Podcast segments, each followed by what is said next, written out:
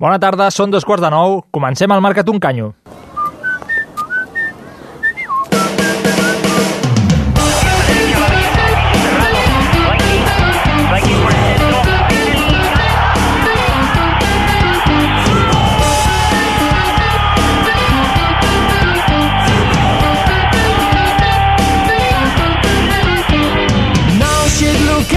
A Kultura FM. Marca't un canyo. Każdy dźwiga siatkę piw i kwiatek dla żony. Komplet... Participa al programa a través del Twitter a arroba marca't un canyo o a facebook.com barra marca't un canyo. Manuel Amorós, Amorós, Girat, Girat, Dominic Rousseau. Benvinguts un dilluns més a la Casa del Futbol de Cultura FM, dient que encara estem anestesiats després del derbi d'ahir del Barça amb l'Espanyol, un Barça que va esclafar el club banquiblau per 5 gols a 0, una jornada que podria haver estat rodona amb l'Atlético perdent al camp del Cué, però el Madrid va sobreviure a un València que va tenir 10 minuts per fer campió l'equip de Luis Enrique. Una llàstima, però això vol dir que encara ens queda una última jornada apassionant de les de temps enrere, aquelles del transistor. Avui posarem la vista en la visita crucial del Barça a Granada, trucarem al capità de l'equip andalús, Jens Silvain Bavent, per saber quin ambient es respira allà per rebre l'equip blaugrana.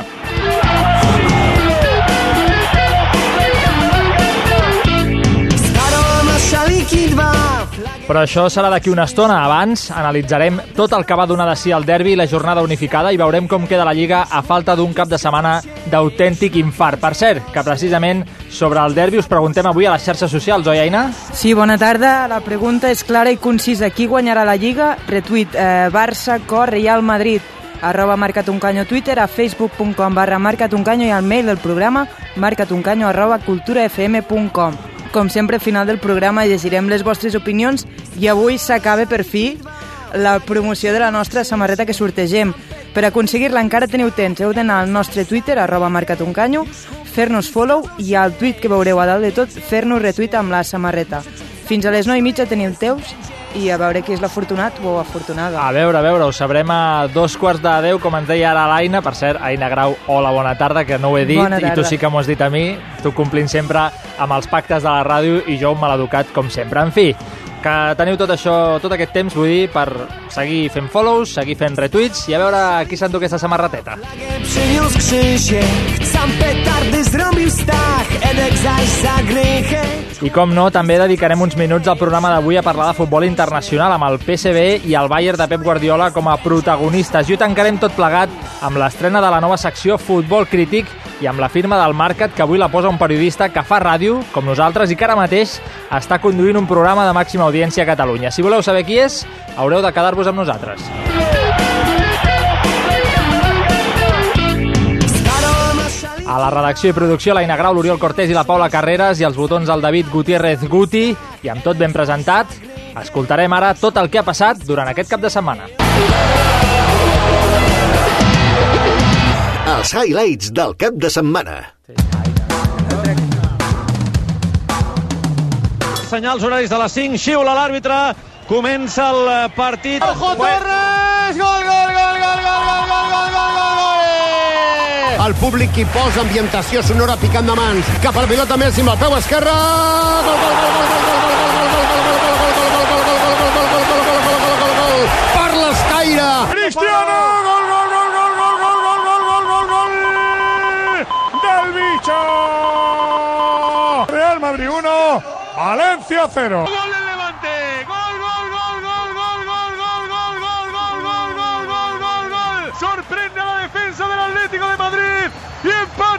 partido. Va a ser la pilota. Messi desde la frontal envía cap a la dreta, juga la pilota per Suárez i gol, gol, gol, gol, gol, gol, gol, gol. gol, Luis Suárez, gol del Pichichi, gol de la bota d'or que quan ha vist que la pilota entrava a la porteria de l'Espanyol s'ha girat i ha mirat Pau López i li ha dit menja, Pauet, menja, menja, Pauet, menja.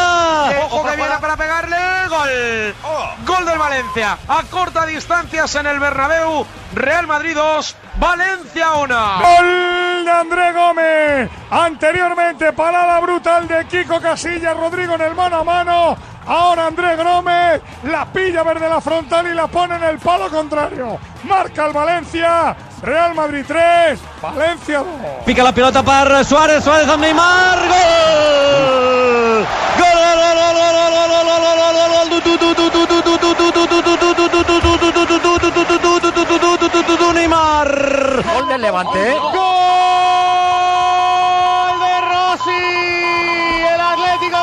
dice adiós a la Liga en Valencia. Ha acabat el partit, el Madrid ha guanyat, el Barça també. El Barça està obligat a fer el mateix marcador que el Madrid a l'última jornada. Nosotros eh, estamos muy, muy orgullosos de llegar a, a dos partidos, de poder ganar dos títulos tan importantes. Después gane quien gane a Champions, la verdad que, que nos importa poco porque nosotros no podemos, ya no participamos en esa competición, eh, pero ganar Liga de Copa es seguir haciendo historia.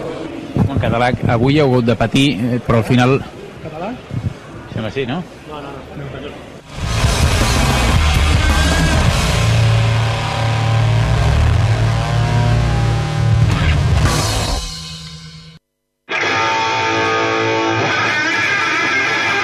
Marca't un canyo.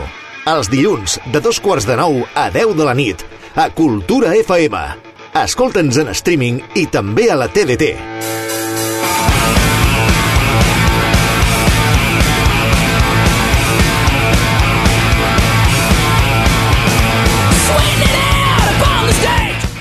I els tertulians d'aquesta tarda nit ja estan a punt a l'estudi de Cultura FM. Ells són el Pau Arriaga, periodista de línia en xarxa i recent estrenat comentarista de Bein Sports per a països de parla no hispana. Bona tarda, Pau, i felicitats. Bona tarda i gràcies. L'Alejandro Rodríguez, al seu costat, periodista i redactor dels webs esportius Firma Torres i Marcaje Individual. Bona tarda, Alejandro. Bona tarda. I el Víctor Rodrigo, periodista, redactor de NBA Destiny i membre del programa de ràdio La Terrassa de Ràdio Ubic. Bona tarda, Víctor. Molt bona tarda. Amb tots tres, de seguida, parlem del derbi, de la polèmica amb el porter de l'Espanyol Pau López, també sentirem declaracions del propi Pau, i posarem l'ull al Granada per analitzar eh, com arriben els equips a l'última cita que pot fer el Barça campió, com dèiem, amb la trucada en directe a Bavent, futbolista dels andalusos, a qui li preguntarem què es trobaran allà els futbolistes blaugranes. També parlarem del descens i de futbol internacional amb un interessant partit entre el Conya Sport i el Casim Passa Conya Sport, l'equip de tota la vida de Víctor Rodríguez de la Lliga Turca. I tot això en directe a Cultura FM des d'ara mateix. Prohibit canviar d'emissora.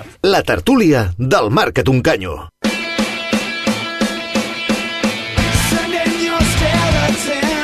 Si vols formar part del nostre debat, pots intervenir-hi a través del Twitter a arroba marcatuncanyo o a facebook.com barra marcatuncanyo.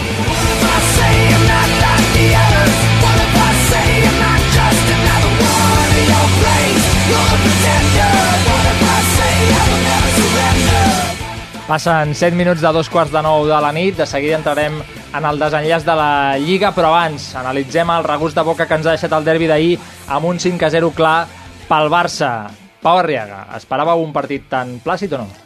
Uh, faré una cosa que no s'ha de fer mai, que és opinar d'una cosa que no has vist, perquè, per, com has dit abans, per motius de feina estava pendent d'un d'un altre partit. Bé, però hem llegit premsa, hem però hem llegit resums. premsa, hem vist resums, hem vist highlights, hem, hem sentit gent parlar i, i dir de tot i mm, darrerament hem, hem vingut comentant que tant Barça com Madrid com Atlético eh, mm, sumarien 15 de 15 o com a mínim no deixarien escapar gaires punts.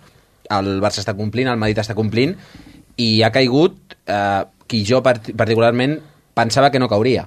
El més fiable dels tres Uh, i a més, uh, uh, vull dir, contra tot pronòstic, a un camp d'un equip que ja ha perdut la, la categoria i inexplicablement eh, no, no va aconseguir resoldre la, la, el partit, havent tingut un dia de descans més que el, que el Madrid.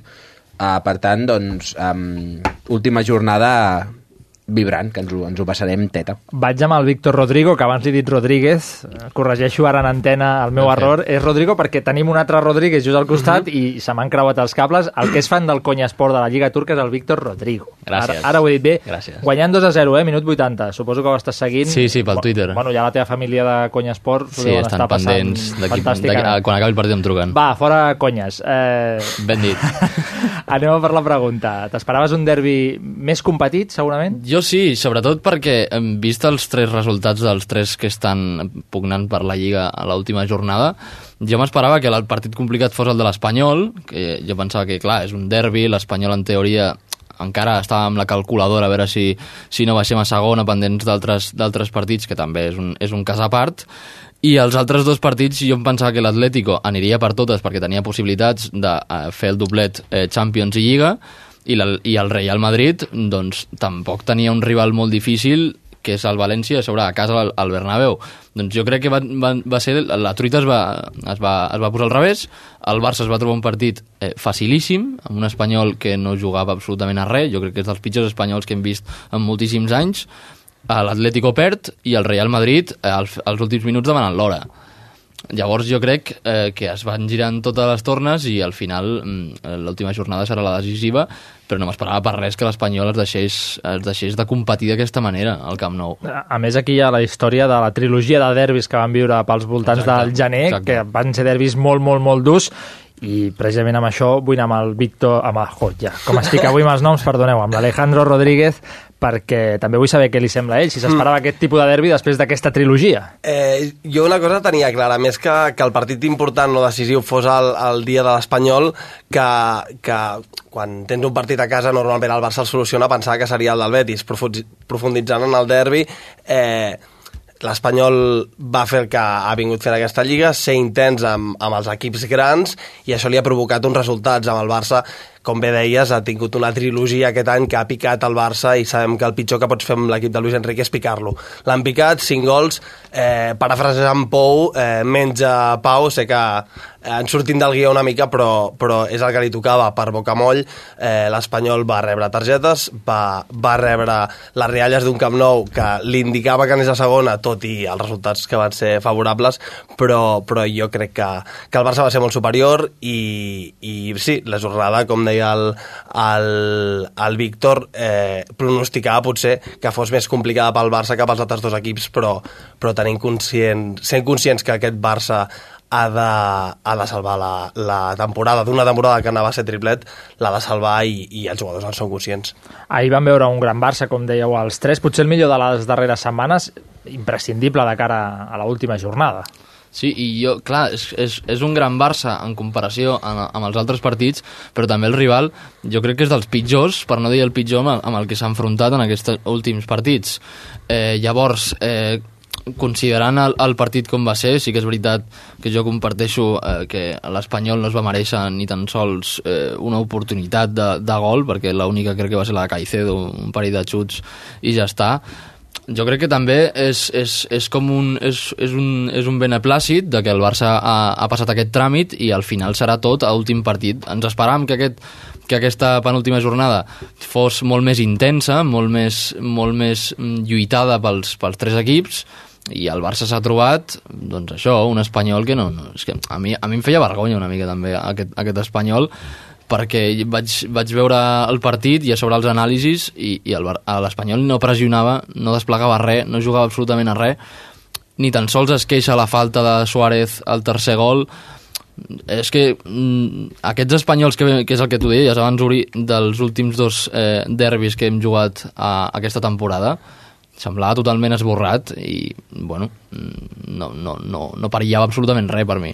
Home, a mi, sincerament, em, em sorprèn que ens sorprenguem, no? Valgui la, la redundància d'aquest espanyol que, que tampoc ha ofert molt durant la temporada i, sincerament, jo m'esperava duresa, però que la duresa sí la vaig veure, per això eh, eh, deia lo de que el Víctor deia no jugava a res, sí, ja, ja, ja, ja, això ja, ja, ja venia de lluny, però sí que vaig veure un espanyol bra no bregador per intensitat, però potser bregador per, per orgull, és a dir, ni que sigui les patades se les emportaran. Això és el que vaig acabar deduint amb, amb les 6 o 7 targetes que van rebre els jugadors de, de, de Galca, però, però sí, bé, eh, no, no ens havíem de, de, de preocupar massa tot i, tot i els partits de, de, o el partit de l'anada que, que va semblar una miqueta que l'Espanyol podia posar en compromís aquest Barça però, però jo tinc, tinc bastant clar que, que el Barça ha de guanyar la Lliga, havia de guanyar aquest partit, i si estava picat amb l'Espanyol, per tot el que el, el Ramon Bori que van portar aquells derbis,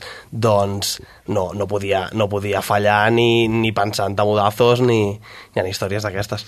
Jo estic segur que els més contents de que s'hagin recuperat aquests eh, derbis de tota la vida són els mateixos aficionats a l'Espanyol, perquè fins ara em fa la sensació que, sen, que se sentien una mica ningunejats, que com, vaja, el Barça està constantment pensant en el Madrid i el Madrid en el Barça, i en aquests, bueno, darrerament s'havia perdut la, la salseta dels, dels derbis i encara que sigui per motius bàsicament extraesportius, que és el que va passar a la, a la primera volta i, i Diop dient que si volia amb els jugadors del Barça sortien en camilla, etc etc.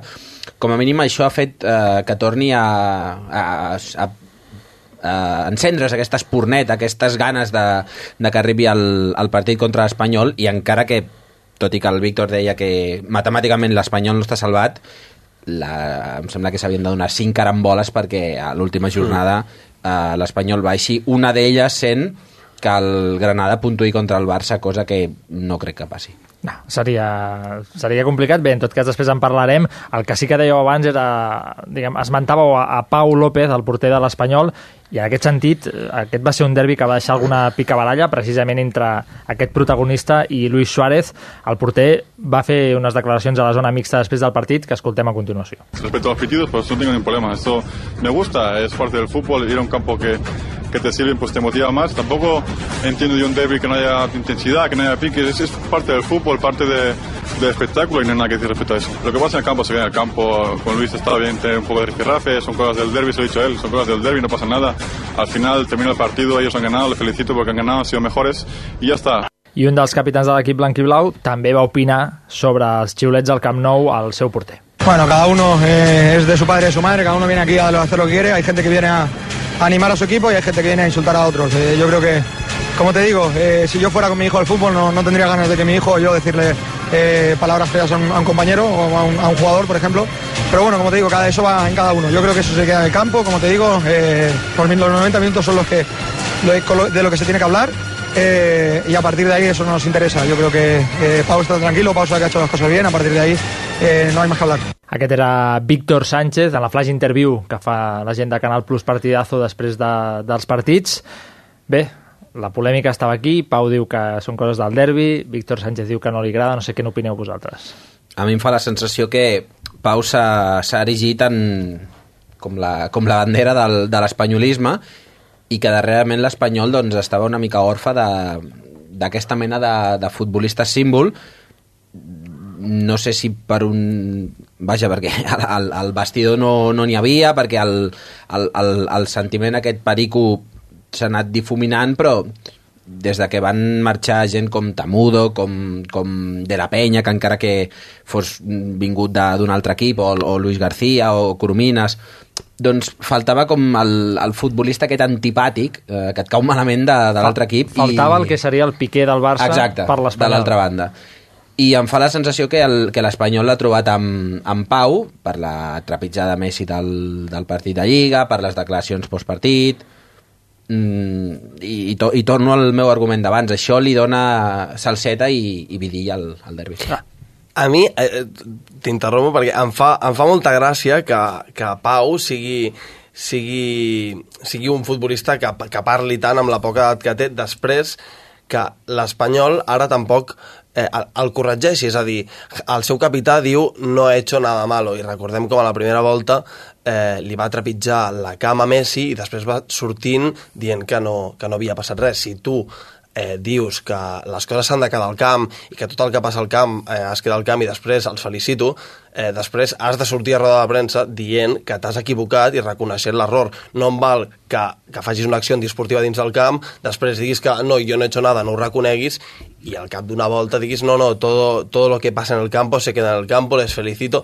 Per mi diu molt de pau i diu molt poc de l'Espanyol perquè aquestes coses, com va passar amb Pepe en la, en la seva època, doncs al final li acaben causant una reputació al futbolista que no li fa ni bé al futbolista ni bé al, al club. En tot cas, l'analogia que jo posava abans sobre la taula entre Pau per l'Espanyol, Piqué pel Barça, la compraríem? Jo no, jo no te la compro per res, més, més, més que res perquè eh, de, de primeres la diferència de nivell i de representació dels clubs per començar mm, jo estic d'acord amb, amb, el, amb el Pau, el que he dit abans, de que l'Espanyol estava orfe de- d'aquest sentiment de jugadors espanyolistes que defensaven tant el club a ultrança amb aquest sentiment fins i tot d'inferioritat. La, la meravellosa minoria aquesta de no lo entenderéis nunca, és que tampoc ho podem entendre, com un jugador com Pau López que mm, es representa més pel que parla i després en un rebuig tan fàcil perd la pilota i no té una intensitat dins del camp digna de ser un porter de l'Espanyol titular perquè l'Espanyol, parèntesis, recordem que no ha triomfat mai sense un gran porter doncs que surti eh, a, a, a, a ser garant d'un espanyolisme, d'un espanyol que necessita treballar dins del camp per aconseguir alguna cosa i té intensitat, i jo crec que un garant més de l'espanyol per intensitat seria un Pape Diop, que es, es mata pel camp, encara que es, en, en, reparteixi més que un destraler, que no un Pau López, que es dedica més a, a tirar cap enrere, a intentar trepitjar Suárez i després dir que és un rifirrafes, a calentar a Suárez o després trepitjar Messi. Jo, de veritat, jo, jo, jo no ho entenc. I aquesta esporneta de, de, de l'Espanyol contra el Barça als derbis, jo de, jo de veritat la trobo més fora del camp que dins del camp. Sí, jo, en el que deia el Pau, de, de, trobo una, que és una bandera com, o l'abanderat de, de l'espanyolisme, jo sí que el veig per, per aquest motiu, perquè bueno, és un noi jove que sent l'espanyol i, i ara doncs, li ha tocat viure aquesta, aquest episodi amb la MSN, però, però és el que deia el Víctor. No es pot comparar a Pau amb Piqué ni d'aquí a Lima, però, o sigui, en el sentit simbòlic que tu dius sí, eh? però en, en el sentit de jerarquia dins del vestidor és no, que no, en cap cas, en cap cas, no, no parlava de jerarquia, es parlava en el sentit d'una persona de club, de tota la vida, que pren els galons per sortir a les rodes de premsa, a les zones mixtes, a dir el que pensen tots els pericos i sap quin discurs ha de fer per encigalar la seva gent. Jo, jo... I, I això que té una edat Mm. prou jove com, com per gestionar malament això. I jo crec que aquests missatges que dona Pau, el que passa que des de l'òptica blaugrana fan ràbia, però fan la mateixa ràbia Clar, que això- Piqué fa a la resta d'aficions. Però com que generen ràbia, jo crec que, que per això li donem aquest pa, al Pau aquest esglaó. Perquè generen ràbia i al Perico ara l'únic que li queda és ràbia. És, gener, és algú del nostre... Perquè ja has vist, Javi López és diplomàcia eh, i int intentar ser bastant imparcial i la resta de capitans... Ai, Javi López, Víctor, Víctor Sánchez, eh, i la resta de capitans, doncs Javi López tampoc s'ha mullat mai, i Pau en aquest sentit doncs és més atrevit i jo crec que aquesta ràbia que té l'espanyolista de em sento inferior, doncs amb les paraules del Pau fent-se créixer, doncs potser eh, poden veure com ve, poden veure el Pau com un, un, una bandera o, o un símbol. No, però jo fins i tot podria fer el símil a, a que, com, com ha dit l'Uri, el Piqué, cada vegada que obre la boca, doncs calenta les altres 29 aficions de primera divisió. Però a, a Pau López, per calentar el Barça, a mi, a mi és que, de veritat, a mi en reaccions d'un porter que no bloca ni, no té intensitat a l'hora de blocar, ni encara que sigui per, per, per no encaixar cinc gols o per tenir un mínim d'intensitat, no, no, no, no crec que representi l'Espanyol. Jo tinc amics eh, pericos i companys pericos i m'ho diuen. Mm, Jo me'n recordo anys enrere, un tio com Lopo, jugadors com Tamudo o com De La Penya, que podien obrir la boca a una roda de premsa i cremar mig barcelonisme, però després dins del camp batallaven el derbi fins a, fins a matar-se.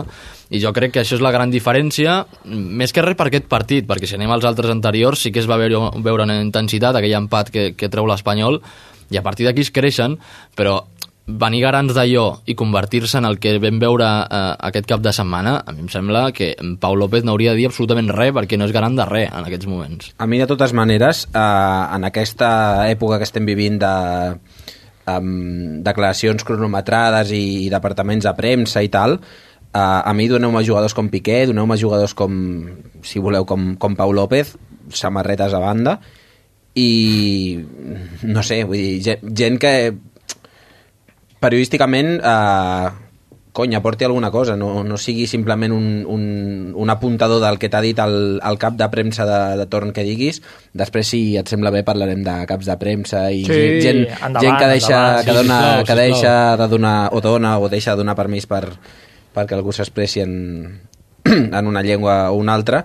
Parles de Sebas Guim, no? Del Ah, company de TV3 que exactament. no va poder fer pregunta en català. Sí. Al, al camp del Madrid, amb Quico Ah, Casilla. Però vaja, bàsicament el, el meu argument va, va per aquí. O sigui, tot, tothom, tothom que intenti sortir-se de la normalitat sempre i quan sigui dins dels paràmetres del, del respecte i del, i del fair play, uh, endavant. I crec que falta gent així. Després de la jornada d'ahir, canviem de tema, el campió de Lliga es decidirà en l'última jornada de dissabte, que ve a les 5 de la tarda, i sorprenentment el Barça se la jugarà amb el Madrid, que fins ara tots es pensàvem que seria contra l'Atlético, que el Madrid també estaria per allà, però no únicament amb el Madrid. Els de Luis Enrique hauran de guanyar sí o sí el nuevo Los Cármenes, i per això tenim en línia en aquest moment a Jan Silvain Babén, capità del Granada, perquè ens expliqui com estan els ànims per allà. Babén, buenas noches. Hola, buenas noches. ¿Cómo va todo? Pues muy bien. Oye, ¿qué tal la fiesta ayer en Granada después de confirmar esa permanencia? Pues eh, muy bien, la verdad que, que el presidente pues eh, nos invitó a una, una cena de equipo y luego lo, lo, lo festejamos en una discoteca en Granada, todo el equipo. Ahí pasándolo bien, ¿eh? Sí, señor, como debe, como debe de ser. Además, qué bien sienta para ti ser uno de los protagonistas, ese 1 a 2 de cabeza para, para deshacer el empate contra el Sevilla. Supongo que es uno de, de los días más importantes de, de, tu carrera. Sí, la verdad que pues el gol que en el Juan pues fue el gol más importante de mi carrera, porque ha valido el gol de, de la permanencia y la verdad que estoy muy contento. Uh, hemos sufrido hemos sufrido mucho durante todo. La verdad pues que ahora queremos disfrutar. ¿Y, ¿Y, cómo están los ánimos para enfrentaros al Barça el sábado? pues muy buenas. Uh, tenemos la ilusión de, de terminar bien en casa con delante de nuestra afición y intentar darles una, una alegría contra el mejor equipo del mundo. El otro día hablaba con gente de Granada que me decía precisamente eso, ¿no? que, que están muy contentos con la salvación, pero que, pero que siempre sufren hasta, hasta el final. No sé si eso la plantilla lo tiene en mente y quiere regalar un buen partido a, a la gente en el nuevo Los Cármenes. Sí, pues uh, la verdad que desde que el Granada pues ha, ha subido Primera División, pues uh, ha sufrido casi todos los años. Uh, nosotros pues estamos acostumbrados ya a eso y, y, la verdad pues que el sábado pues contra el Barcelona pues va a ser un partido para disfrutar y intentar pues, intentar regalarles aunque va a ser complicado pero vamos a intentar, intentarlo durante nuestra afición. El partido del domingo lo viviréis supongo como una fiesta también, decíamos ahora con la afición celebrando, vosotros más tranquilos por esos deberes ya, ya hechos. ¿Eso puede daros un, un puntito de relajación ante el Barça? Bueno, más que razón, creo que, que, cada jugador que va a contar Barcelona pues eh, es más motivación, porque quiere dar buena imagen durante todo, toda España y durante toda nuestra gente y, vamos a competir como, como debe ser. Por cierto, eh, no sé si hay cierta presión para vosotros por ser, déjame decirlo con el tópico típico, por ser los jueces de la liga, ¿no? Podéis decidir una liga vosotros ante, ante el Barça empatando o ganándoles. No sé si eso añade un punto de, de presión de que todo el mundo os va a estar mirando. No, ninguna presión. Yo creo que, que nosotros pues, hemos hecho lo, los deberes y también es cierto que el Madrid y Barcelona pues se juega en la liga, pero han tenido 30, 38 partidos para pa sacar más puntos, así que no, no jugamos para nadie, no jugamos, jugamos para, para nuestra gente y, y ya está. En ese sentido, supongo que, que, confraternizáis desde la distancia con la gente de, de La Coruña, ¿no? Porque también se, se, la va a mirar un poco con lupa a ver si meten la pierna, si van a todas, ¿no? Supongo que en ese sentido quizás es un trato un poco injusto por parte de los medios que precisamente a los equipos que ya habéis hecho el trabajo se os juzgue antes de tiempo. Sí, totalmente. Creo que, que como, lo, como lo, el, el Depor como Granada pues eh, ha cumplido su objetivo y lo, creo que lo, los dos equipos vamos a intentar ganar en casa como, como cualquier equipo profesional y, y ya está, no creo que haya más que decir. Por, por, cierto, que hablábamos ahora en tertulia antes de llamarte sobre el derby entre Barça y Español y me consta que llegaste a sonar para fichar por el club blanquiazul. ¿Qué, ¿Qué hay de eso? ¿Realmente estuviste cerca de fichar por el Español? Sí, la verdad que como terminaba contrato con el Alcorcón en 2014 pues uh, tenía con, muchos contactos, contactos con, con, ellos, pero al final pues preferí elegir, elegir el Granada y, y, no me arrepiento de nada. Va bien, te, te, haré la última ya porque supongo que estás eh, con tus cosas, no sé si yendo hacia Madrid. Eh, sí. No sé si precisamente desde Madrid ¿Os ha llegado algún incentivo para salir con más ganas eh, a por el Barça? Si, si, ha habido alguna llamada, eh, mensajes de amigos o cosas que van más allá de mensajes de amigos para, para apretar, ¿no? Para que el Madrid pueda ser campeón y echarle una mano. Uh, yo no, no hubo ninguna llamada. Yo, por mi parte, pues no tengo ninguna relación con ningún jugador, con ningún jugador del Madrid. y, y pues yo soy un profesional y intento ganar cada partido, así que no necesito incentivos para, para favorecer a ningún equipo ni otra. Yo soy futbolista profesional y lo que intento hacer cada domingo pues es ganar el partido. Al final es verdad, sois profesionales y, y la gente debería estar por menos historias. Oye, eh, te deseo mucha suerte para ese partido, a ti y al Granada, que gane el mejor, a ver si es el Barça o es el Granada. Ha sido un placer y muchas gracias por, por atendernos esta noche en este viaje que estás haciendo hacia Madrid. Muchas gracias a vosotros. Venga, un abrazo, abrazo. que vaya bien. Hasta luego. Futbol i més futbol al Marca't un canyo a Cultura FM.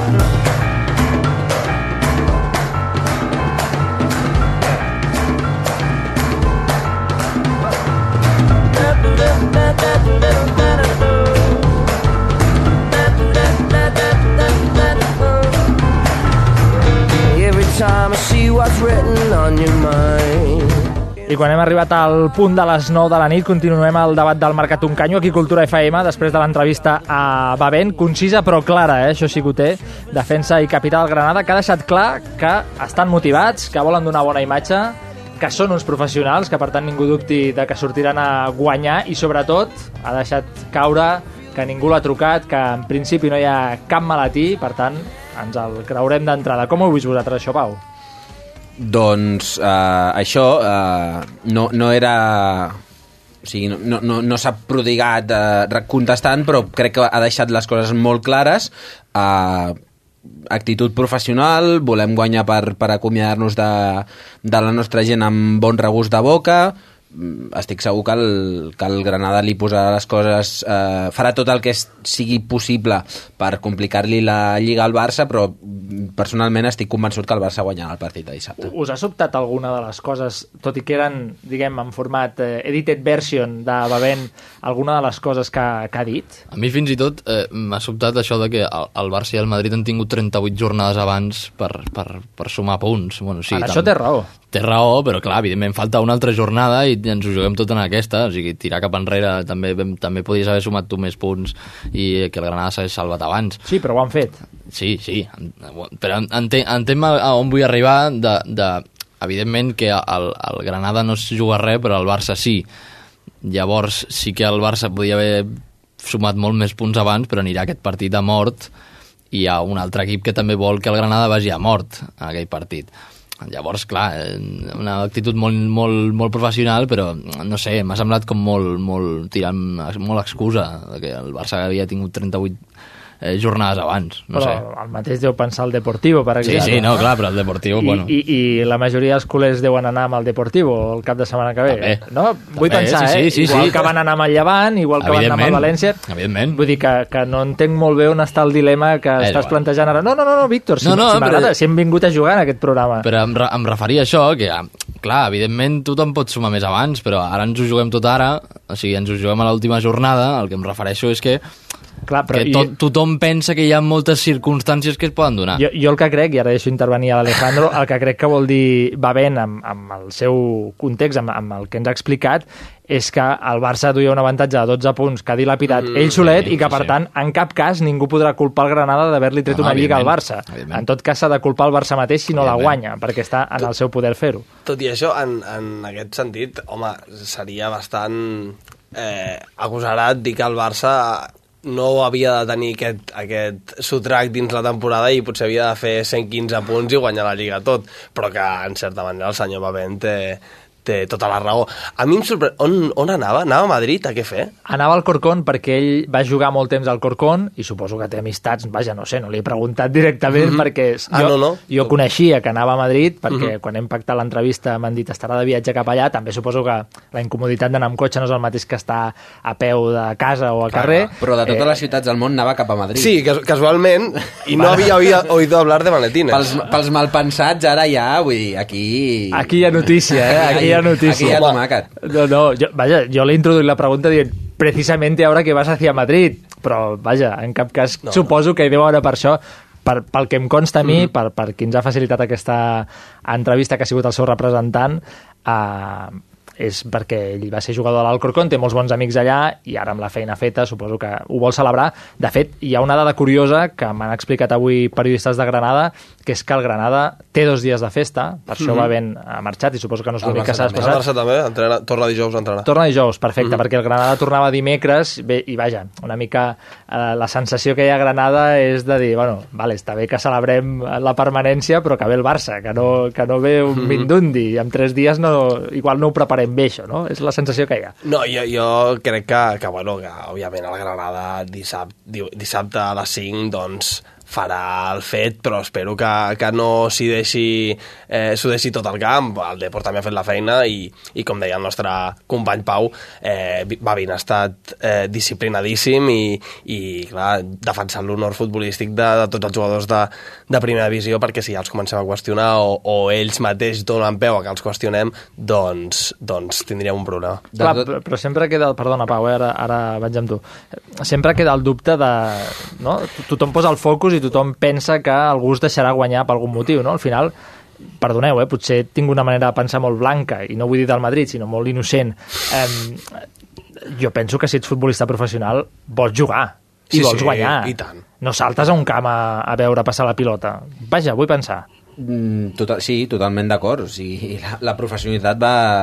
Ui, ara sembla obert, m'he menjat massa simple. Uh, la professionalitat va per, per davant de tot i no sé si obro un meló ara o no, però a mi mm, primes per guanyar a mi no em semblen malament. Si jo tinc uns euros i els vull invertir en donar-li un incentiu a un altre perquè rendeixi millor, escolti, això no és adulterar la competició. Home, home donar-li diners a un per, altre per equip guanyar. perquè et guanyi... Per, no, no, per guanyar. O sigui, perquè un altre equip guanyi.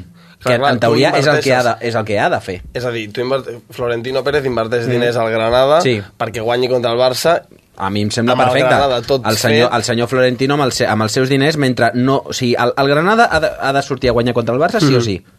Doncs simplement té un incentiu, no, no canvia en res la cosa. Home, li dones un incentiu més. Però no, no és dolent. Per guanyar no és dolent. Al final, al Home, fi... si li- però al final no és més incentiu que el que a partir d'aquest any la Lliga dona als equips per la posició que queden Exacte. pels drets de televisió. Guanyaran més calés, per tant ja els interessa. Al final són calés igual, el que passa que Mhm. venen d'una procedència d'algú que s'hi juga a alguna però eh, jo en aquest sentit amb el Pau hi estic d'acord. També entenc que la Lliga ho reguli per, Sí, sí. per allò de dir I eh, cap malatí, no? No, no, no puguem incentivar Home, ningú que- a, a, no, a fer i- trampes, i però evidentment, clar, un malatí per guanyar, si és per deixar-te perdre, sí, denunciem. És el que diu el Pau, si el Florentino té, posem X milions per poder invertir en aquest tipus de coses, doncs allà ells són els seus milions. Però el problema està que potser un Granada no té aquests incentius de milions i Clar. si li interessés no podria donar aquests incentius, llavors té un mínim de menys I incentius. deixem-nos d'històries. El Granada ha estat fins ahir batallant per salvar-se Mhm, sí. perquè té una defensa que és un drama i té una plantilla que no li arriba a la del Barça amb tot el carinyo del món a la sola de la sabata. Per tant, per molts milions que posis, correran un pèl més. Però és que llavors ja no és... Eh, estàs qüestionant la professionalitat del jugador dient-li que si li dones més diners eh, s'ho currarà més o, o, o, o treballarà més o s'esforçarà més. És a dir, és la seva feina. Però és, és, un bon, és com si a la teva empresa et donen un bonus per objectiu. però és que no te la dona la teva empresa, te la dona l'empresa que vol que guanyis per fer-se un benefici propi. Seguirà sent un benefici Mm. propi. Sí, sí, però extern. Clar, jo Si, llavors... si només fos benefici pel Real Madrid, per exemple, que estem posant el cas de Florentino, jo ho Mhm. entendria, perquè el Granada pringa i s'ho emporta el Real Madrid. Però també s'emporta 3 punts al, al Granada. Sí, sí, Clar. no, opinions a part, tot és, tot és respectable. Jo llavors em qüestiono que bueno, doncs la professionalitat dels jugadors doncs, queda una miqueta entredit si un dia corres més perquè et donen, et donen un milió d'euros més o, i un dia corres menys perquè no te l'han donat. Llavors... Sí, però jo també puc entendre que hi ha vegades que pots córrer més eh, una tornada d'una Copa del Rei que ja has guanyat 8 a 0 i llavors no corres, Mhm. i aquí també pots qüestionar la professionalitat de que has de sortir cada partit a guanyar, i Però no ja portem no és- 8 a 0 ja està. Mhm. Es pot posar entredit també aquest tipus de Però coses. decideixes, és a dir, tu és el teu equip i decideixes Sí, tu tant- perquè no corres i no reps, influenci i no reps influències dels altres. Tot i això és, són opinions, eh? Sí, I clar, jo, mira, sincerament, crec que, home, clar, si ho fes potser el, el Barça, no, és que també ho veuria malament perquè infravaloraria les meves opcions o infravaloraria els meus jugadors que no són capaços de, de guanyar i resoldre el partit, però opinions a part. No, no, aquest debat està prou bé perquè al final, vaja, ets, com dieu vosaltres, la professionalitat va per davant, però al final no li estàs demanant a ningú que es deixi perdre. De, de fet, jo crec que si a mi, si, si a mi algun cop em passés això, jo diria, bueno, pues, òbviament, si em dones un quilo més... Coge el dinero i corre, mai millor dit, no? Exacte, exacte. Bé, eh, com deia Caranca, los maletines están ahí, todo el mundo los ha están visto. ahí. Están ahí, todo el mundo los ha visto. No, el, que, el que us volia preguntar, tornant al tema, us fa por reviure una Lliga de Tenerife però a la inversa? Tots, a, tots alhora no, eh? Por, a mi realment no. A mi realment no, no em fa por. L'estadística en aquest sentit és favorable al Barça, eh? Evidentment, però a mi por realment no. Zero por. Jo tornant a, a lo dels maletins, eh, doncs, doncs mira, sí, llavors sí que vull que... Perquè el Barça el veig més capacitat de guanyar la Lliga amb un Granada competitiu que amb un Granada que vagi a fer el burro, no se jugui res, empat, el Barça també bueno, ja veiem que contra els equips que el Barça no està de, del tot fi o no són prou intensos o no li imprimeixen aquest caràcter al, al, al joc d'espavilar el Barça, el Barça doncs s'acaba dormint, el Betis estava salvat, va jugar contra el Betis i va estar fent el tonto una part. Llavors, eh, jo por no tinc, eh, espero que, que la intensitat del Barça sigui la d'anar a guanyar una lliga i anar a solucionar el partit per la via ràpida, perquè no entendria, no entendria un, una, una davallada o una relliscada del Barça l'últim partit davant el Granada amb el Granada fet. Si el partit fos de la 17a jornada, mm, hi hauria algun dubte de que el Barça guanya Granada? Segurament no. Per pressupost d'un i altre, plantilla d'un i altre... Mm, I, evidentment, els, els jugadors del Barça són, són grandets, han guanyat lligues, són conscients del, del que han fet en aquest mes de, de març i saben perfectament que, que depèn d'ells. Tant de bo, tot, totes les circumstàncies de la vida eh, estessin en, en la teva mà. Podria, podria ser, però no, però tant de bo que no. tant de bo que no. Ah, ah, clar, en tot cas, eh, el que dèiem abans, el Granada, en principi, alliberat de tensions, pot ser que et posi algun problema que no t'esperis. Si estigués, eh, diguem, preocupat, segurament es tancaria per buscar una contra, això no et passarà, jugaran més alliberats, per tant, tu pots atacar i que t'enganxin en algun moment amb els pixats al ventre, si m'ho deixeu dir així, i crec que el perill pot venir per aquí. Però vaja, eh, el dissabte ho resoldrem a les 5 de la tarda de la mateixa manera que veurem què fa el Madrid al camp del Deportivo, que el Deportivo també està salvat igual que el Granada i no s'hi juga absolutament res i per tant també tindrà la mentalitat diferent i no la d'un equip que s'ha de salvar. Com us deia, aquest partit eh, del Madrid que du 11 victòries consecutives a la Lliga, l'última derrota va ser davant de l'Atlético, no sé si amb aquesta xifra mm, algú diu, va, doncs a la dotzena palmen. Jo crec que no palmaran perquè el Madrid és, eh, ve d'aquesta remuntada dels 12 punts del, del Barça i ho té a tocar, té a tocar un, un, un doblet que és amb la, amb la Champions i contra l'Atlético que pot, es pot repetir resultat perquè l'Atlético ara mateix té una mica eh, penjant per sobre el núvol de, de l'etiqueta de loser perquè ara ha quedat tercer a la lluita pel, per la Lliga i contra ha una segona final de Champions, una altra vegada contra el Madrid, que ja se't va, se't va portar cap a, cap a on volien ells gràcies a aquell minut 93 i, i jo crec que, que, que el Madrid no palmarà i el Barça i el Madrid guanyaran i s'emportarà la Lliga el Barça. Jo tornant a, a lo de, que deia el Víctor d'aquesta etiqueta loser, a mi em, em, em fa gràcia la mística que té el Madrid i, i la, i la i l'efecte o la capacitat de supervivència que té l'Atlético en aquest sentit. Eh, el Madrid no havia de perdre cap partit, però certament és el que potser ha estat més a prop de punxar en algun d'ells, perquè contra el Barça va guanyar de casualitat, encara que m'expliquin eh, sopars de duro, i ahir va patir a casa contra un València amb 10 que tampoc es jugava res.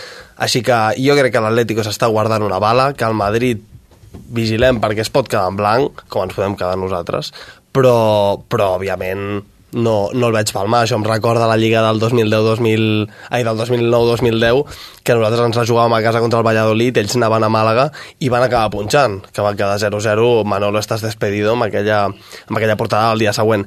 Eh, jo crec que el Madrid no, no punxarà, però eh, ja sabem que l'eufòria blanca pot venir eh, ai, pot precedir a una bona hòstia si, si no fan els deures a la Champions. Jo crec que després de 5, 5 mesos a Benítez se'l van patinar al gener o m'estic... Eh... Mm.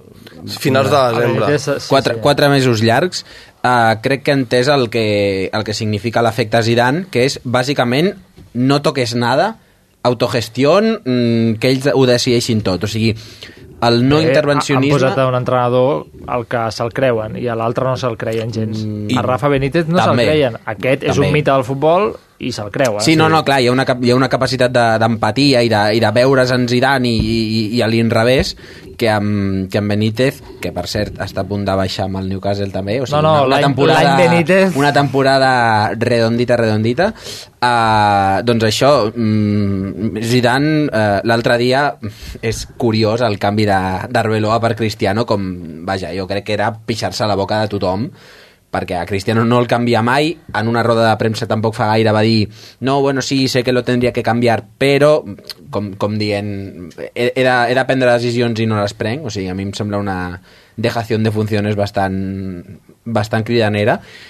i després jo és que considero que el Madrid en, en aquesta mena de situació que li veus partits i penses és que tampoc és tampoc juga a res de l'altre món i tal és l'equip que millor ho sap eh, trampejar, sortint-se'n eh, ha arribat a la Lliga l'última jornada amb opcions reals és a la final de la Champions a buscar la, la undècima de Marres mm, no ho sé. El que comentava l'Alejandro mm, es poden quedar en blanc i jo tinc la, em fa la sensació de que, de que serà així L'Atlético s'ha despenjat de la lluita pel títol després de la derrota contra el Llevant. No sé si hauríeu preferit que els de Simeone fossin els que estiguessin perseguint l'estela del Barça i el Madrid estigués com està l'Atlético ara. Eh, a mi em fa, em fa gràcia la pregunta perquè els dos els veig... És que, clar, Simeone té una, una cuirassa d'encaixar de, de tots els cops i no, i no perdre mai, que, que després eh, tirem enrere i veiem l'etiqueta de pupes i perden davant l'equip que, que ja ha baixat de categoria. Llavors, el Madrid potser fa més por, però és que quan tens a, els, les tres bèsties que tens al Barça és que jo crec que l'error és, és, és no creure-t'ho tu i no pensar en, en, en que el Barça és qui, és qui ha de, de resoldre aquest campionat. Potser sí que fa més por el Madrid perquè, perquè té aquest nom, aquest altaveu des de Madrid i, i aquesta setmana serà més rebombori, però, però bueno, l'Atlético ha fallat i, i l'Atlético en aquest sentit doncs, que és el que deia el Víctor té aquesta potser etiqueta de loser que a la Lliga doncs, en l'últim partit o en el penúltim davant l'equip que ha baixat doncs ja ha perdut la, jo crec, la jo, cursa. jo crec que fins i tot eh, els tres equips ja han aparcat el cotxe on, el, on, on més els hi convé i, eh, jo crec que el problema el tenen entre el Real Madrid i l'Atlético per demostrar primer a la Lliga qui la té més llarga per a l'hora d'arribar a la final de Milà perquè si ens podem analitzar-ho mm, de, de totes totes, eh, Atlético i Madrid, la gran, la gran victòria per ells seria la final de, de la Champions Exacte, exacte. i el Barça té la Lliga. Llavors, clar, el repartiment està aquí i el repartiment dur el tenen els dos equips de Madrid, perquè si, ell, si palmen a la Lliga, mira, ens quedem a la final, però llavors un dels dos es queda sense res.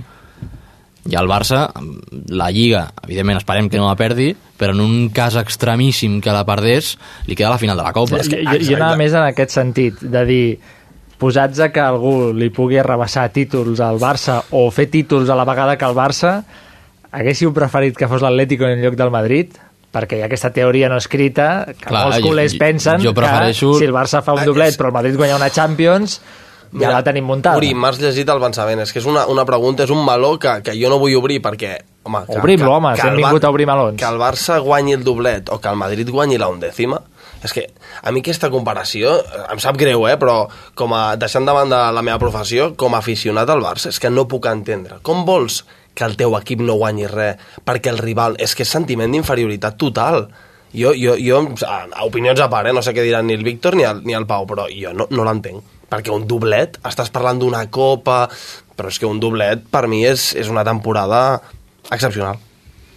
Per mi, per mi també ho és, evidentment, i a mi, clar, el, el problema és aquest, de, de si guanyen la undècima, doncs tenir el- el- l'ocellet blanc aquí menjant-te el cogote, perquè tu perds contra l'Atlético i ells guanyen l'Atlético.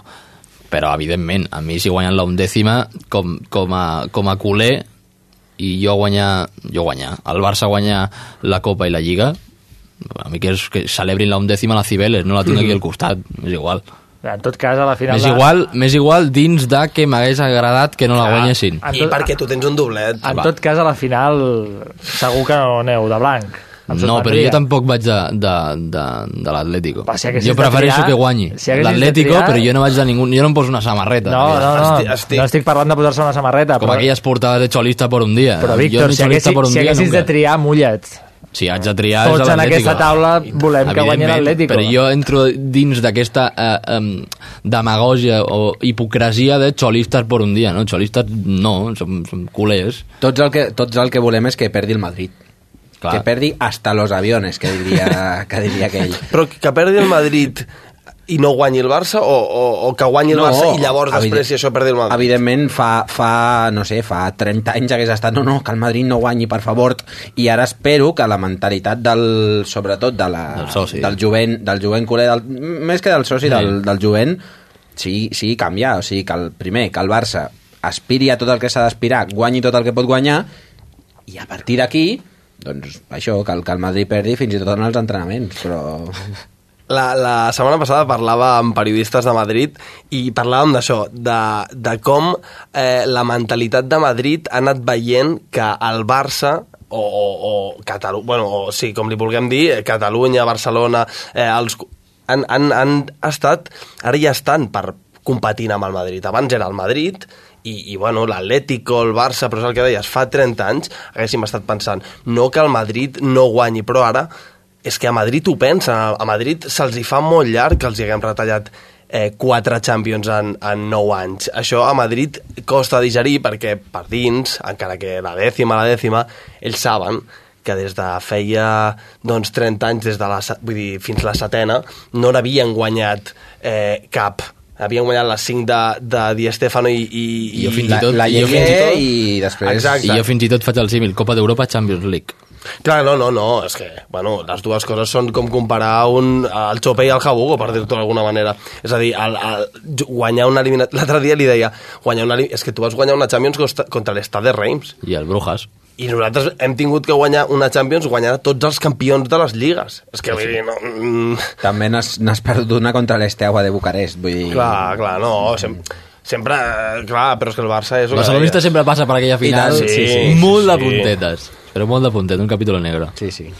Bé, uh, seguirem un altre dia perquè anava a obrir un melonet però he vist l'hora i hem d'anar avançant, així que No tiris, ras i la, curt. no tiris la pedra. No, ja, no, noi, no, no, no, no pateixis. Eh, us prometo que la farem un dia que hi sigueu els tres. La, eh, em guardo la pregunta que anava a fer, no la dic, Vale. vale? me l'apuntaré ara al Apunta guió. al costat del Conya Esport. Val? Ah, sí, per cert, el Conyasport ha guanyat, eh, Dos finalment. sí, sí. O no, sigui, el Pau no, no, Conyasport 2, eh, que si em passa 0. El, el 2 a 1 era el partit entre Istanbul, Bas, Basakseir i Fenerbahce. Estem vibrant massa amb la Lliga Turca. La Lliga Turca ho està patant Estava absolutament. apuntant per aquí, Fenerbahce ha marcat, sí, sí. Sí, sí, sí, no, Fenerbahce ha marcat, però tu el que t'interessa és el el Conyasport, i, i tot Catalunya ara mateix està fent tuits animant a Víctor Sí, sí. Rodríguez, bueno, aquí, he estat a punt de dir Rodríguez un altre cop, eh? no sé si ho heu vist. En fi, que avui tinc la boca molt suelta, així que anem per feina. Ras i curt, va, eh, què us diu el cap més que el cor? Alerta que això és important, heu de pensar amb el cap més que amb el cor. El campió de Lliga serà el Barça o el Madrid? El Barça. Barça. Barça. Perfecte, tan ras i curt que no hem tingut temps ni de respirar. Va, precisament avui fèiem aquesta mateixa pregunta a les xarxes i l'Aina ara mateix ens recordarà com participar-hi. Molt fàcil, a Twitter a arroba marcatuncanyo, el retuit a favor del Barça i el cor a favor del Real Madrid. També facebook.com barra marcatuncanyo i el mail del programa marcatuncanyo arroba culturafm.com. Perfecte, i mentre esperem una llau d'opinions vostres a Twitter i a Facebook, mirem com està la resta de la Lliga de cara a l'última cita del campionat.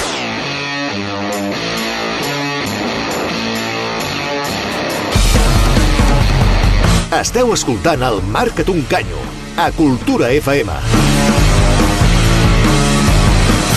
Took a while before I figured it out.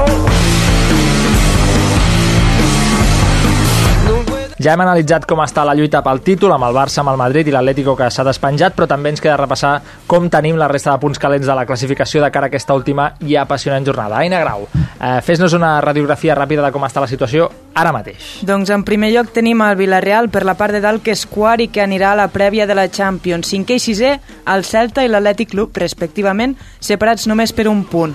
Els dos aniran a l'Europa League, però jugaran qui entra de manera directa i qui no. Aquí depèn del Sevilla, que si guanya una de les dues finals que té per davant, enviarà el que quedi, el que quedi sisè a la prèvia de l'Europa League. Si les perd les dues, seran els d'Emere els que vagin per aquest camí. I definida tota la part alta que ara ens ha aclarit l'Aina, anem a la zona de l'infern, el que seria el descens. Dissabte que ve Getafe, Sporting i Rayo es disputen entre ells una sola plaça de permanència. El Getafe amb 36 punts és qui marca ara aquesta 17a posició que dona la salvació. L'Sporting és 18è i és el primer en zona de descens, també amb 36 punts el Rayo i 19è amb 35 punts. El... Ara m'he liat. No, no, sí, sí. L'Sporting és 18è amb, amb, amb 36, 36 i el, Rayo és- 19è amb 35. Perfecte, Ara sí. ara sí. A l'última jornada, els tres equips juguen, contra, juguen partits contra rivals que no s'hi juguen res.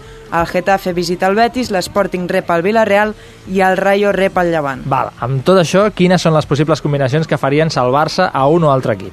El Getafe es salva si guanya el Betis, els madrilenys són l'únic equip dels tres que depèn de si mateix, empat amb el Betis i no guanya ni Sporting ni Rayo, o perd i els altres també perden.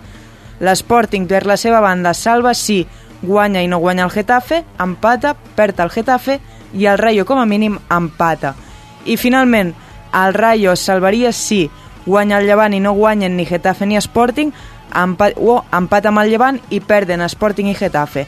En aquest cas hi hauria triple emplat amb 36 punts i els de Gémez tenen el gol a veràs guanyat amb tots dos equips. Perfecte, Aire. Moltes gràcies per Si aquesta emplat, revisió. no sí, un emplat, un emplat. Eh, sempre està bé emplatar les coses i Paco Gémez ho té molt clar, això. No, ara de debò. Merci, Aire, per la feina, per situar tot aquest merder que hi ha a la classificació ara mateix de cara a la setmana que ve. Més enllà de la zona noble de la que ja hem parlat, centrem-nos en aquest descens.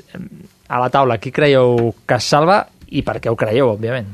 A mi m'agradaria que se salvés el Rayo per proposta futbolística, eh, per simpatia amb, amb, la, amb la idea, la filosofia, els, els valors del, del club, però com deia l'Aina, i a banda d'intentar no, no patir un esguins de cervell després de tantes possibilitats i empats per una banda i um, em fa la sensació que ho tenen, ho tenen complicat perquè el Getafe i l'Sporting també vaja, depenen, depenen tenen, ho tenen més, més a favor.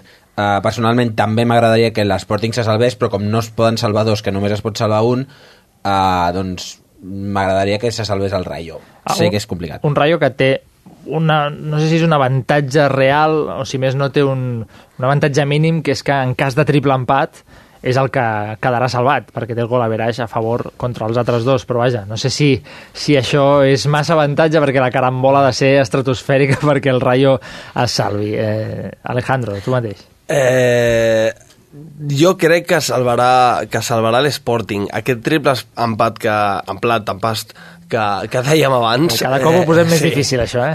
eh, crec que és difícil que es doni i en aquest context crec que, crec que salvarà l'Sporting. Llavors, eh, anant per parts, el Getafe eh, és car de segon, vull dir, mereix ser de segona per tota la temporada que ha fet, per, perquè no juga a futbol i perquè s'ha autodestruït mitjançant el seu capità Medi Lazen fa un parell o tres de setmanes dient que són una mierda, van canviar d'entrenador i la proposta futbolística és zero atractiva. Llavors, estem entre Gémez i Quini clar, eh, Gémez per la proposta futbolística i per la idea, doncs el símil, però jo crec que el Rayo jugar... És molt valent, eh? però crec que li pesa massa la categoria i crec que l'Sporting és l'equip que dels tres, dels tres en aquest cas, ha evolucionat millor. Al principi va començar jugant amb un futbol potser una miqueta més obert amb Halilovic i tal, però, però Abelardo s'ha donat compte que eh, ha de jugar amb gent que, que vulgui estar primera, que, que es deixi parlar malament eh, els collons per, per al seu equip i al camp i, i els nanos em va dir que havien treballat molt. Jo també sóc dels que prefereixo que se salvi l'Sporting però jo el que no vull que se salvi és el Getafe perquè jo, evidentment jo no, no, no comparteixo fa, fa molts anys que no comparteixo res dels valors que transmet el Getafe ni, ni del que representa moltes vegades que dit en paraules de plata són, són filial d'un altre equip de Madrid i només estan per allà durant pel sac. I moltes vegades en aquestes triquinyueles i en aquestes caramboles dels tres equips que estan pendents i només es pot salvar un, jo també sóc com el Pau, que tinc bastanta afiliació pel, pel Rayo, però veient com està el panorama jo, jo prefereixo que se salvi l'Sporting. Tenim un Sporting, tenim un Rayo... Tenim un Sporting. I tenim un Sporting, eh? 2 a 1 va la cosa. Ostres, Pau, jo és que ho igualaria. M'agrada Gémez, però és que sóc més de l'Sporting. Faria un 3 a 1. El programa, el programa és seu, jo, no, no, no, no, soy un simple... Vaya, com si que jo digués que salva... De, no, no. Si jo digués que, es, que, que l'Sporting es salva sigui significatiu, diguem, se salvarà si, si lluiten, però òbviament em sembla que la feina que ha fet el Pito Abelardo amb una plantilla diguem, que la tenia des de l'any passat, que no han pogut fitxar, que han hagut d'agafar gent que estava com fora del mercat. Vaja, una història lamentable tot plegat i que hagi arribat aquí encara en vida em sembla meritori. Per tant, jo crec que, que s'ho mereixen. Però en tot cas, anem a parlar una micona abans de tancar la tertúlia de futbol internacional, perquè si la setmana passada felicitàvem el Leicester, Pau Arriaga, gran Leicester amb gran celebració, celebració amb Andrea Bocelli, cantant com un el campió. Nelson Dorman. El Nelson Dorman amb la samarreta de, mm -hmm. del Leicester al costat de, de Don Ranieri, eh? de Steve Martin, estaven allà tots dos ben agafats, doncs aquesta setmana cal felicitar el PSV de Cocu i, com no, el Bayern de Múnich. Sisena Lliga de Guardiola, de 7 com a tècnic de màxim nivell. Què li diríeu als que qualifiquen a Guardiola de... Com ho diuen això? De, de loser, de fracassat, de fracassat. Què, què, què, no què sé, li que es diríeu? canvin d'esport i mirin el críquet perquè no tenen ni, sí. ni idea del que estan veient. És que jo, de veritat, jo vaig tenir aquest debat fa pocs dies eh, molt calent de que això, Guardiola un fracassado perquè venia, venia a guanyar la Champions. Bueno, vale, sí, però ha arribat a, a les semifinals de Champions cada any i a sobre guanya la Lliga cada any. Què més vols? No, això, això demostra el llistó tan alt que va deixar el Barça de Guardiola, que si no guanyaves Champions i no guanyaves Lligues cada any i triplets i aquest tipus de, de mèrits, doncs hi ha un fracàs total. Una, una dada, ara us deixo acabar, però que potser encara us infla més la resposta, que és que a Alemanya mai cap equip havia guanyat quatre lligues seguides. Mm. Òbviament hi ha una que és propietat de Henkes, però vaja. No, i mai ningú entrenador internacional havia guanyat tres, tres seguides, crec. Llavors, pues, això encara, encara més honra Guardiola. O sigui, és que no, no, no hi veig ningú raonament perquè un anti-Guardiola et digui que ha, ha fracassat. Bueno, pues, no ho sé, potser ha fracassat el teu equip des d'on des d'on critiques. Ja més, més respostes no puc dir, senyoria. Eh, a mi em fa, em fa molta gràcia perquè, perquè els hi fa... Jo crec que tot això ho, ho patim perquè hi ha un altaveu molt gran a Madrid, que aquest altaveu no ha suportat mai a Guardiola. vegades a Barcelona, No, no, és que és, és pitjor el, És pitjor el el de que hi ha aquí que el que hi ha allà. Eh, a Madrid festejaven que l'Atlético hagués guanyat al Bayern només per, per, per matar Guardiola. No, no, encara que estic d'acord amb vosaltres dos, a, a, a, a part del barcelonisme no li acaba Guardiola i mai li ha fet el pes.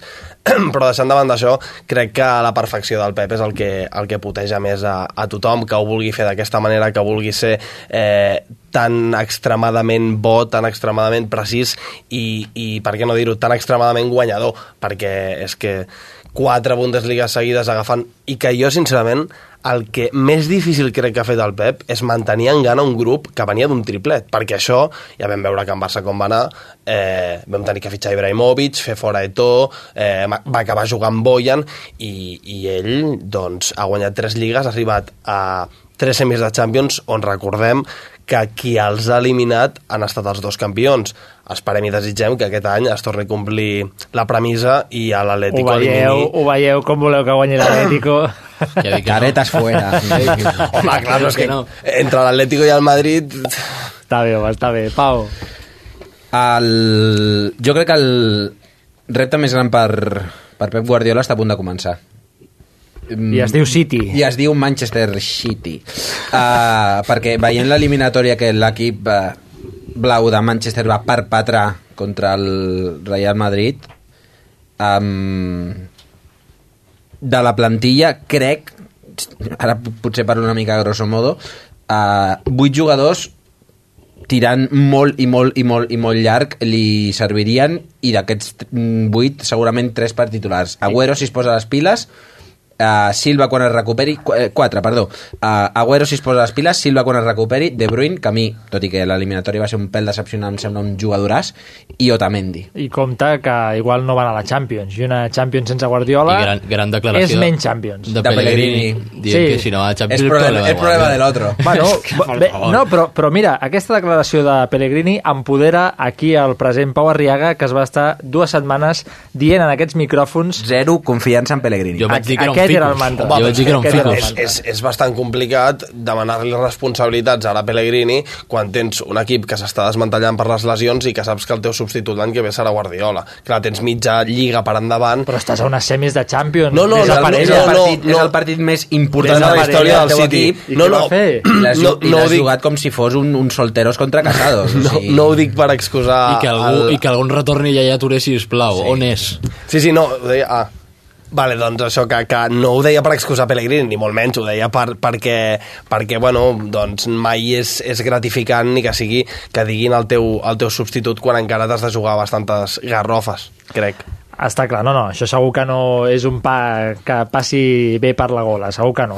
Però vaja, ho hem de deixar aquí, deixem el debat del mercat aquí, perquè avui estrenem secció, ho hem anunciat al principi del programa, i em fa especial il·lusió presentar-vos dos nous col·laboradors, es diuen Noel Eduardo i Jordi Sureda, i que a cert temps ens explicaran històries del futbol més enllà d'aquest futbol mainstream que coneixem, aquest de l'esport dels milions que veiem cada setmana a la televisió, doncs no.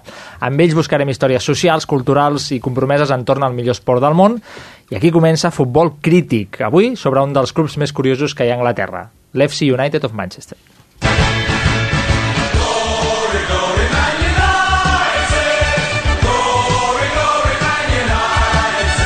En els últims temps, el factor prevalent en el futbol ha passat a ser el negoci en detriment dels sentiments dels aficionats. Des de principis de segle hem pogut veure com grans fortunes compraven clubs reduint el paper del soci sobre les decisions de l'entitat a la mínima expressió. La Premier League anglesa és una de les competicions que s'han vist més afectades per aquest fenomen.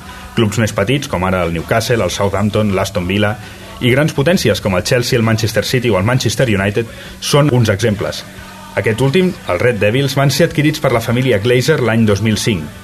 I com en tota decisió històrica, hi va haver molta gent a favor de l'adquisició, però també moltíssims detractors, socis que pensaven que aquell esdeveniment trencava del tot la identitat del club històric anglès.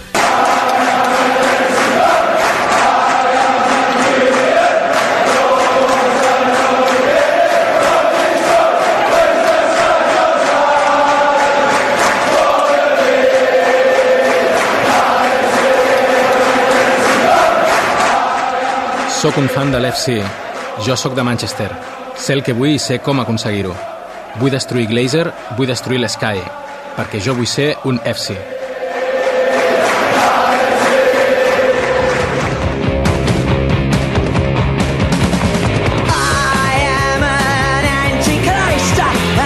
L'any 98 el club ja va estar a punt de ser venut, però un gran nombre de fans ho va evitar amb moltes mesures de pressió, així com manifestacions, actes de protesta, etc. Qui encapçalava aquell grup de seguidors contraris a la venda era Andy Walsh, qui dia d'avui és director general del FC United of Manchester. El propi Walsh va ser un dels instigadors de la creació del FC United. Per molts dels que el van seguir, no va ser una decisió gens fàcil.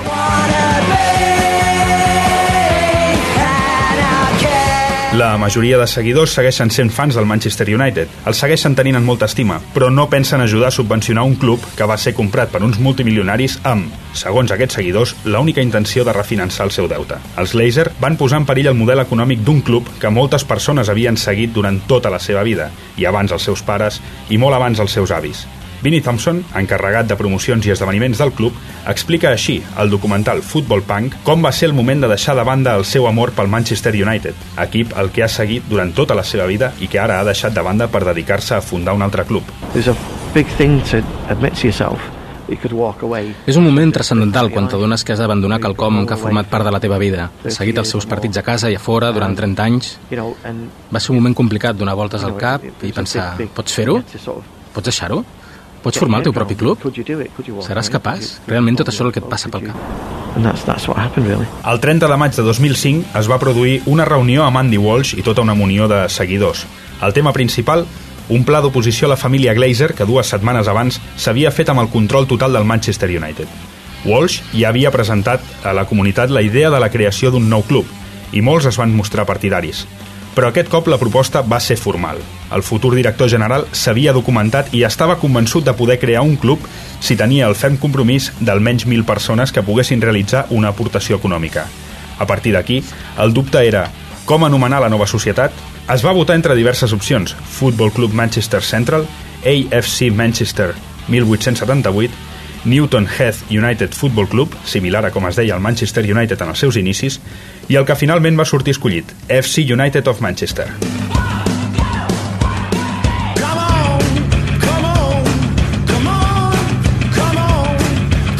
Durant la seva primera temporada, la 2005-2006, l'equip és ubicat a la segona divisió de la Northwest Counties Football League, el que podríem traduir com la Lliga dels Comtats del Nord-oest, la novena lliga del futbol anglès. Aconsegueixen el seu primer ascens a la 2006-2007. Queden campions de la primera divisió d'aquesta Lliga del Nord-oest. Dos ascensos i un campionat en els dos primers anys de vida. Tercera temporada, la 2007-2008, la passen a la Northern Premier League Division 1 North. Queden segons, per tant sumen un altre ascens. Així doncs, la 2008-2009 juguen a la North Premier League Premier Division, al nivell previ a les divisions nacionals. D'aquí no es mourien fins a temporada actual, però pel camí passen coses interessants. La 2010 2011 aconsegueixen la gran fita d'aquest jove club. Guanyen diversos equips a les rondes preliminars i arriben a la primera ronda final on s'imposen al Rochdale del First Championship per 3-2.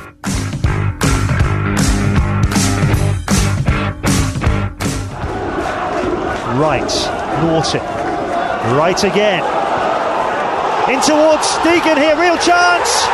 Well, can you believe it? Believe it? It's Platt who celebrates, and FC United are in front. A beautifully crafted move. Arriben així a la segona ronda de la FA Cup, on s'enfronten al Brighton and Hove, equip del First Championship, segona divisió. Empaten a un a l'anada i forcen el segon partit. Shaky first 25 minutes. The right back and captain in by Rocker. This is Norton. And the shot's in!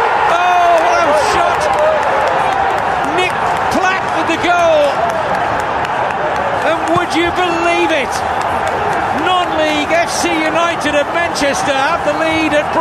Equip i aficionats estaven en un núvol. Per desgràcia, a la tornada la lògica s'imposa i els nostres herois perden per 4-0 amb un camp ple amb més de 6.300 persones. A la Lliga van perdre la final del play-off d'ascens. La 2011-2012 tornen a perdre la final del play-off i a la 2012-2013 els torna a passar el mateix. 2013-2014. Aquí tornen a assolir els play-offs però el perden a semifinals. 2014-2015 torna a ser una temporada de celebracions. Campions de Lliga i millor recorregut al FA Trophy, campionat menor de la federació. Arriben a la quarta ronda on els elimina el Torquay.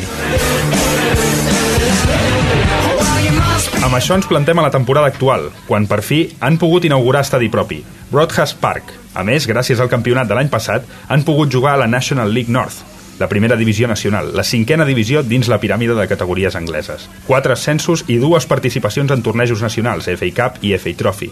Un enorme bagatge. Així es troben actualment a categories nacionals i amb estadi propi. La construcció de Broadhurst Park va costar uns 6 milions i mig de lliures esterlines, uns 8 milions 200.000 euros. Els diners van sortir dels fons de diverses associacions i fundacions de Manchester i dels propis socis del club.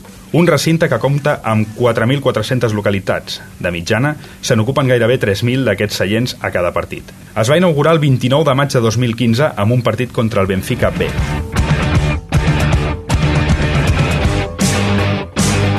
El FC United no és un projecte ambiciós esportivament parlant, almenys no en un sentit elitista. És una iniciativa engegada per un grup de seguidors descontents amb l'adquisició del club de la seva vida per part d'uns compradors que no entenen el que significa pertànyer a una entitat com el Manchester United, el club més gran a nivell de seguidors i un dels més grans pel que fa a títols. L'FC United of Manchester pretén fer que els socis se sentin al club com a seu, que se sentin representats i que l'entitat segueixi el camí que ells decideixin, prenent les decisions de forma democràtica. Des de Boston, Manchester, han demostrat que es pot fer un club de futbol lluny de grans contractes, enormes xifres de traspassos i gestions negligents en mans alienes. El club és dels seus socis i els socis són el seu club. De moment, sumen quatre ascensos. Un equip que al principi es va veure com una prova, com una rebequeria de seguidors emprenyats que duraria dos dies. Porten 10 anys de vida i han arribat fins aquí. Només el temps i la confiança en aquest model mostraran fins on pot arribar l'FC United.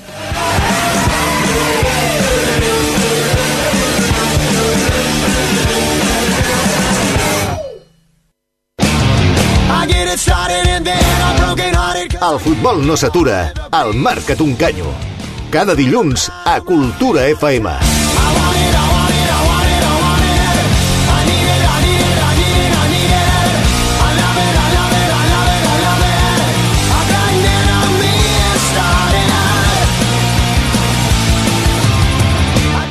La rúbrica en aquest dilluns 9 de maig la posa un periodista especial per un servidor, algú de qui he après molt, un exemple, i que serà referència a la ràdio els propers anys, ja ho veureu.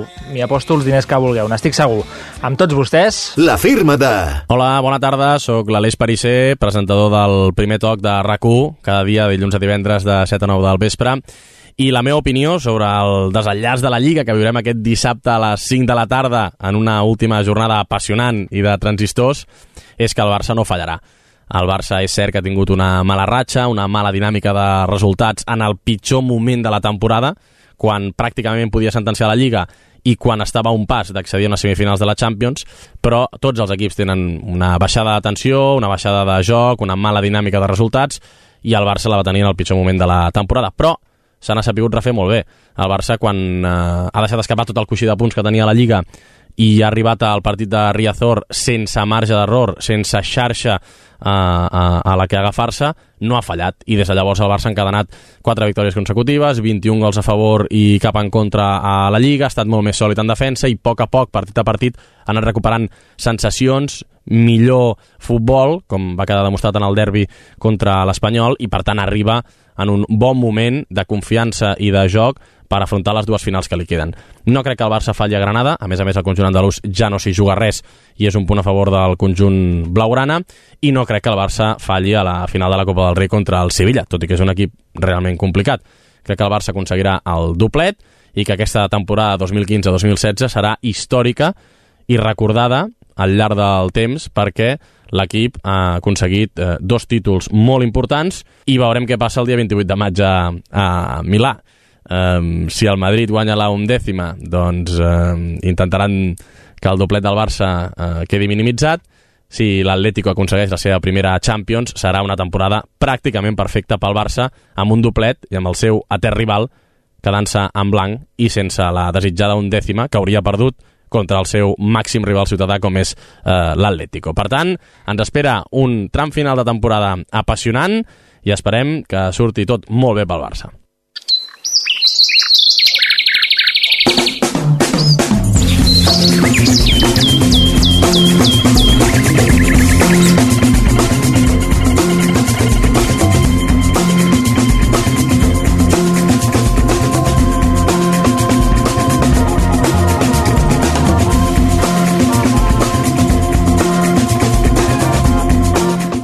Ja tenim aquí a l'Aina Grau un altre cop més, que ens cantarà dues coses. La primera, com ha quedat la pregunta del dia avui a les xarxes? Molt optimisme, la pregunta era fàcil Així i clara. Qui guanyarà la Lliga? I com a la taula, a internet, cap dubte que se l'endurà el Barça. Molts retuits, eh? Molts retuits i tots cap al Barça. De fet, cap cor pel Madrid. Vull dir, ningú. Ningú s'ho ha plantejat, això. Vaja, o, o no en segueixen gaire els madridistes o la gent ho té molt i molt clar. I anem a per la segona cosa, que és la important d'avui. Perquè avui diem qui és el guanyador de la samarreta del Barça. Doncs sí, el que portem repetint setmanes i setmanes ha arribat. Avui la samarreta del Barça se'n va pel Pau Riera al Twitter a, Bravo, arroba bravo. 21 Pau Riera Pau Riera, arroba 21 Pau Riera. Perfecte. Doncs, Quasi, eh? Quasi- Quasi, Pau quasi. Riera. Pau Arriaga, Pau. Riera... Sí, però no, no, si no hagués estat un tongo molt gros, Pau. Eh? Li hem de donar no. al Pau Riera, no al Pau Arriaga, eh? no, no confundir. Felicitats al Pau Riera des d'aquí i a tots els que heu participat en aquest sorteig. En farem més, no patiu, no patiu, que ara veig una llau de gent dient no, pues ja ara ja passo de todo. No, no, no, no en farem més i al Pau Riera eh, ja ens posarem en contacte amb tu perquè recullis el premi. Aina, moltes gràcies. Fins ara.